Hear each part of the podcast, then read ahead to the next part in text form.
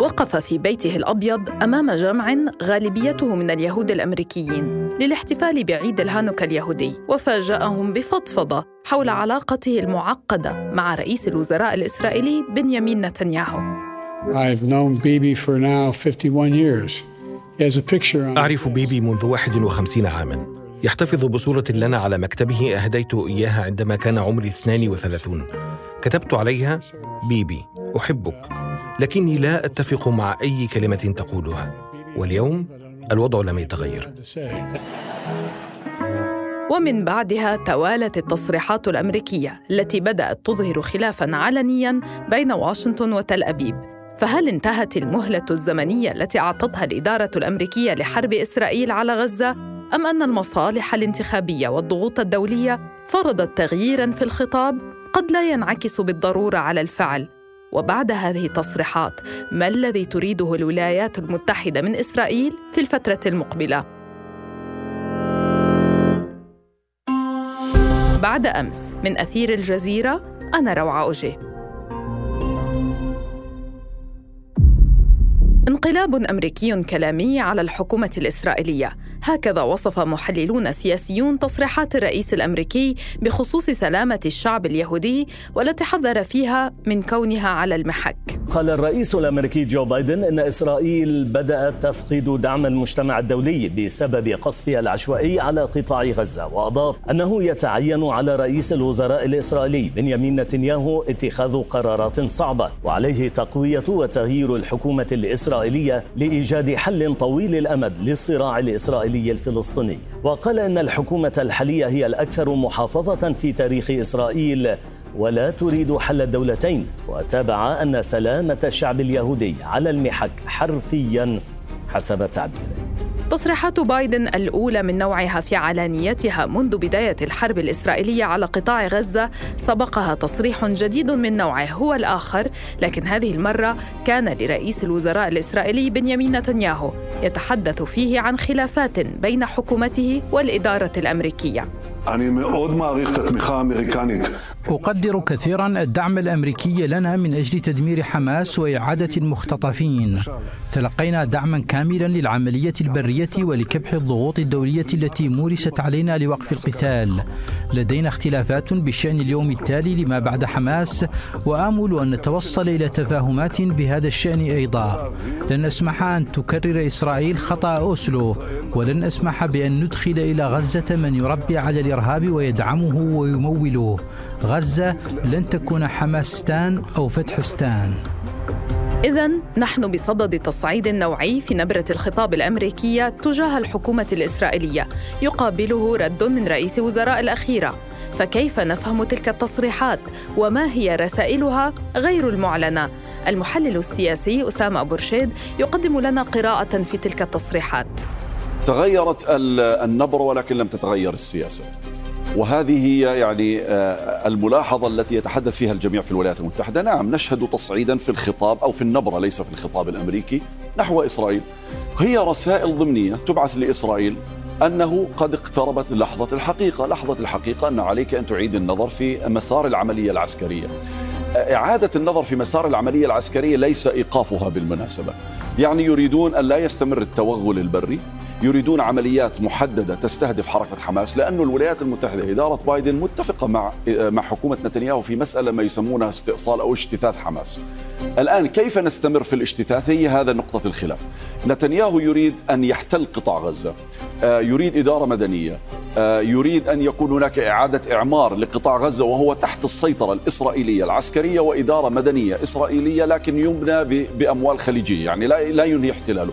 إدارة بايدن تقول لا لا ينبغي أن يكون هناك احتلال ينبغي أن تكون هناك وإن كانوا يوافقون على مرحلة انتقالية في المحصلة لابد أن تكون سلطة فلسطينية كما يسمونها متجددة أو مطورة أو محدثة لكي تسيطر على قطاع غزة في مرحلة لاحقة وتكون هي بداية نواة لإطلاق عملية جديدة للسلام أو للتسوية لكي تكون هناك دولة فلسطينية. نتنياهو لا يوافق على أي من ذلك. إذا هناك صدام في الأولويات بين الطرفين. إذا هو صدام في الأولويات أسفر عن تطورات مرحلية للخطاب الأمريكي تجاه إسرائيل وحربها فمن دعم لا محدود بلا سقف زمني إلى انتقادات علنية وزيارة مرتقبة لإسرائيل لمستشار الأمن القومي الأمريكي سقف الحرب الزمني على جدول اجتماعاتها. سأتحدث بالتأكيد مع نتنياهو ومجلس الوزراء الحربي والقيادة العليا للأمن القومي في إسرائيل بشأن الجداول الزمنية وكيفية تفكيرهم في ذلك. لكن معرفة كيفية رؤيتهم للجدول الزمني لهذه الحرب سيكون بالتأكيد على جدول اجتماعات هناك. معطيات الوضع الراهن فرضت نفسها على الجميع فرغم الأسلحة والذخائر والفيتو والضغط الإقليمي والدولي الذين قدمتهم أمريكا لشراء الوقت لإسرائيل في حربها الجارية ما زال جيش الاخيره يقف بالمربع صفر حسب العسكريين فلا انتصارات محققة ولا أسرى محررين ولا حتى خسائر محدودة كالحروب السابقة. وضع يبدو أنه كان الدافع الأساسي للإدارة الأمريكية للانتقال لمرحلة جديدة من خطابها والتفكير بنمط مختلف. خطاب يرى الدكتور لقاء مكي الباحث في مركز الجزيرة للدراسات أن له اهدافا سياسية أكثر من كونها عسكرية. هذه هذه الدعوة ليست موجهة لتغيير الحكومة، هذه الدعوة موجهة لتغيير رئيس الوزراء نفسه. أعتقد أن المطلوب اليوم حكومة قادرة على وقف إطلاق النار. ليس لديها وعود للشعب الإسرائيلي باعتبار أنه ستنهي حماس يعني متحللة من هذه الوعود. تنهي الحرب وتبدأ عملية تفاوضية كما تريد أمريكا يعني المقاربة الأمريكية. نتنياهو اليوم قال بالنص أن الرئيس الوزراء الذي يستحق المنصب هو الذي يقاوم الضغوط الأمريكية. وهذا اجى بعد مكالمته مع مع بايدن. وأيضا كان يتحدث عن الضفة الغربية باعتبارها الهدف المقبل وتدمير السلطة وأوسلو الميتة. هذا معناه أنه يرفض مقدما المقاربة الأمريكية حتى ما بعد الحرب. وبالتالي هو يرفض كل شيء أمريكي اليوم الشروط المواعيد والمقاربة ما بعد الحرب مقاربة سلمية. هذا أعتقد أنه بلغ مرحلة من الجنون. هذا التصعيد ربما أجبر بايدن على أن يقوم بهذه هذا التحول الكبير. يعني الهرب إلى أمام بالنسبة أو القفز إلى أمام بالنسبة لعلاقة مع نتنياهو وحكومته تغيير الحكومة بالكامل. طبعا الحكومة يمينية كنيست لكن ممكن تحت الضغط الأمريكي يحصل هناك. تغيير الحكومة في مرحلة حرب هو أمر خطير للغاية. هذا الدولة ما تعمل إلا تكون يعني يعني شبه منهارة. ثم كلامه عن أن الشعب اليهودي على المحك. هذا أيضا كلام خطير لم يقل سابقا حقيقة. الأمر يتكلم بايدن عن رجل ده يحذر أنه إسرائيل مهددة بالزوال وبالتالي نحن أمام حرب كاشفة وفارقة. الآن أعتقد الأمر وصل إلى مرحلة التسويات الكبرى. الآن نتنياهو وبايدن أصبحا على نقيض. يستقيل بايدن لنتنياهو. عفوا أو أن يفقد الدعم تدريجيا. بالمقابل أرجعت المقاومة التطور الأخير في النبرة الأمريكية إلى صمود شعبها إضافة إلى ما خططت له من دفاع طويل الأمد عن القطاع بات أثره واضحا الآن بعد مرور أكثر من شهرين على الحرب في أعداد قتلى جيش الاحتلال المتزايدة بشكل يومي. التحليل هذا جاء على لسان القيادي في حركة حماس أسامة حمدان عقب تصريحات بايدن. يوم أمس في احتفال الأعياد اليهودية هانوكا بايدن يقول أنه صهيوني وأنه يدافع عن هذه الحكومة ويتبنى حقها الحكومة الإسرائيلية ويتبنى حقها في الدفاع عن نفسها ضاربا عرض الحائط كل القيم والقوانين الدولية التي تقول بوضوح أنه لا دفاع عن النفس لا حق في الدفاع عن النفس للمحتل بل هو حق للواقع تحت الاحتلال. الآن يقول أن نتنياهو قد فقد الدعم.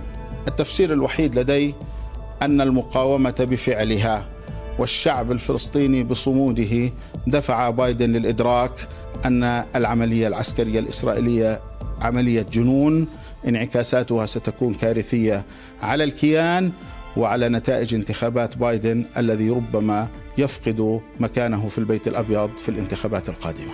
بايدن من جهته تحدث عن تزايد الضغوط الدولية ولوح في تصريحاته بأن الرأي العام قد ينقلب في أي لحظة قال الرئيس الأمريكي جو بايدن إن بلاده تواصل تقديم الدعم العسكري لإسرائيل حتى تتخلص من حماس.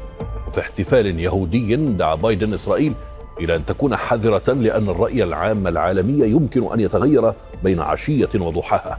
مع أن المظاهرات التي خرجت في أمريكا وأوروبا تشي بأن الرأي العام تغير منذ الأسابيع الأولى للحرب والأصوات الرسمية وعلى رأسها أصوات حلفاء أمريكا ظهرت بوضوح في آخر تصويت لمجلس الأمن حين رفعت الولايات المتحدة يدها وحيدة لتمنع تمرير قرار أممي بوقف فوري لإطلاق النار في غزة.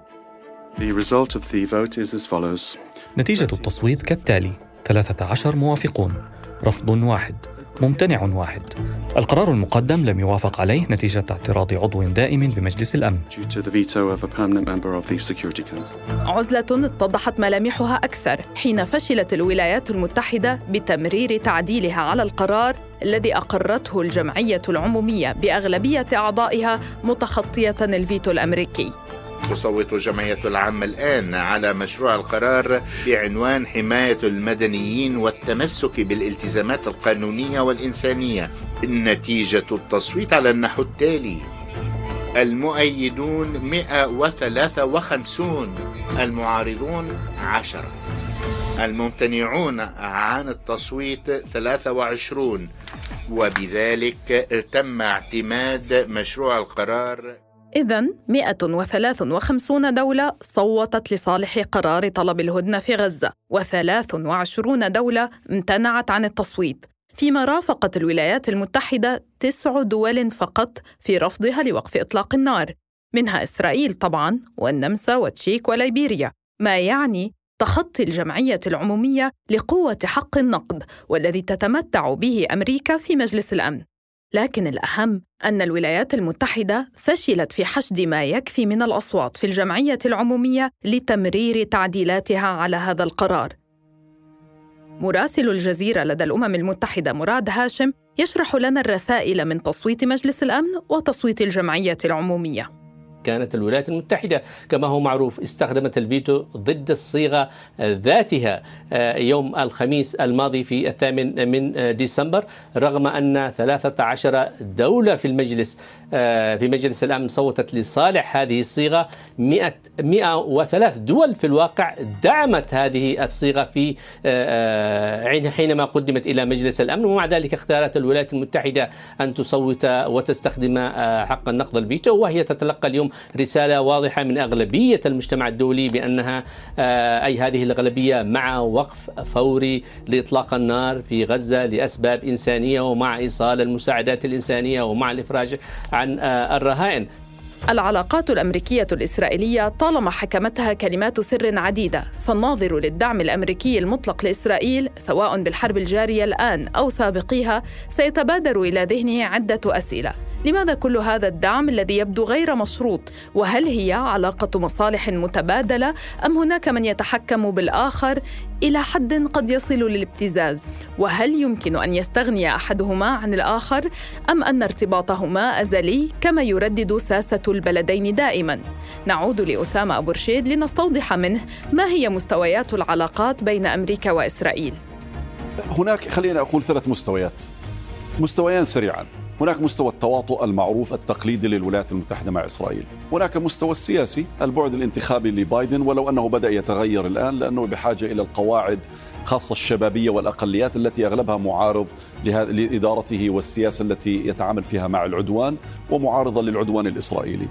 لكن المستوى الأهم هو المستوى الاستراتيجي. الولايات المتحدة استثمرت في إسرائيل لتكون قاعدة متقدمة واستثمرت فيها في, في الأشهر الأخيرة من أجل أن يكون هناك تطبيع في المنطقة تكون إسرائيل ركيزته الأمنية حتى تعوض التراجع الأمريكي في المنطقة لصالح احتواء الصين أو كما أسماها بلينكن تكييف البيئة الاستراتيجية حول الصين وأيضا تكون الركيزة الاقتصادية عبر الممر الهند من الهند آه، من خلال الشرق الأوسط إلى أوروبا. فاليوم عندما تكون إسرائيل بهذه الدرجة من الضعف وهذه الدرجة من آه، من التقهقر التي رأيناها في السابع من أكتوبر، أمريكا تحاول أن تعيد بناء إسرائيل وتعيد بناء منظومة الردع وصورة الردع بحيث تكون الركيزة مرة أخرى كي تتجه إلى منطقة ما يسمى منطقة المحيطين الهادئ والهندي، لكن الإشكال أن إسرائيل إلى الآن عاجزة عن حسم معركة رغم كل الدعم الأمريكي الذي تعطاه عسكريا سياسيا دبلوماسيا فهذا يستنزف أمريكا أكثر. ملامح علاقة جديدة تتشكل بين بايدن ونتنياهو أو لعلها العلاقة المعقدة على حالها كما وصفها بايدن. فهل يتراجع الرئيس الأمريكي كما حدث ببعض تصريحاته السابقة؟ أم سنشهد سياسة أمريكية جديدة تجاه الحكومة الإسرائيلية ونتنياهو تحديدا؟ نطرح السؤال على الدكتور لقاء مكي. هو حدث من قبل أن تراجع بايدن عن بعض التصريحات ولكن هذه التصريحات بالذات جاءت بعد تصريحات أخرى وردت لمسؤولين أمريكيين آخرين وبعد هذه المكالمة الشهيرة يوم أمس التي لا يعرف محتواها وبعد تصريحات نتنياهو اليوم الخطيرة. بالتالي التي يعاكس فيها يناقض فيها كل التوجهات الأمريكية في المنطقة. بالتالي أتوقع أن تكون هذه التصريحات معدة وقرر يعني تقرر لبايدن أن يلقيها وأنها بداية سياسة جديدة بل أن هذه السياسة قد اتخذت بالفعل. يبدو أن الساسة الأمريكيين أدركوا أخيرا أن استمرار الحرب الجارية الآن على أرض غزة سيكون لها من الأثر ما قد يشكل تهديدا وجوديا على الكثير من خططهم للمنطقة العربية بجانب ما قد يطولهم هم أنفسهم من الأضرار فعن ماذا سيسفر ذلك الإدراك؟ وهل سيترجم لواقع ملموس؟ بعد أمس من أثير الجزيرة تابعونا عبر كافة منصات البودكاست وأرسلوا لنا أسئلتكم ومقترحاتكم في التعليقات وعبر حسابات أثير على مواقع التواصل الاجتماعي. دمتم بخير ونلتقي بعد أمس.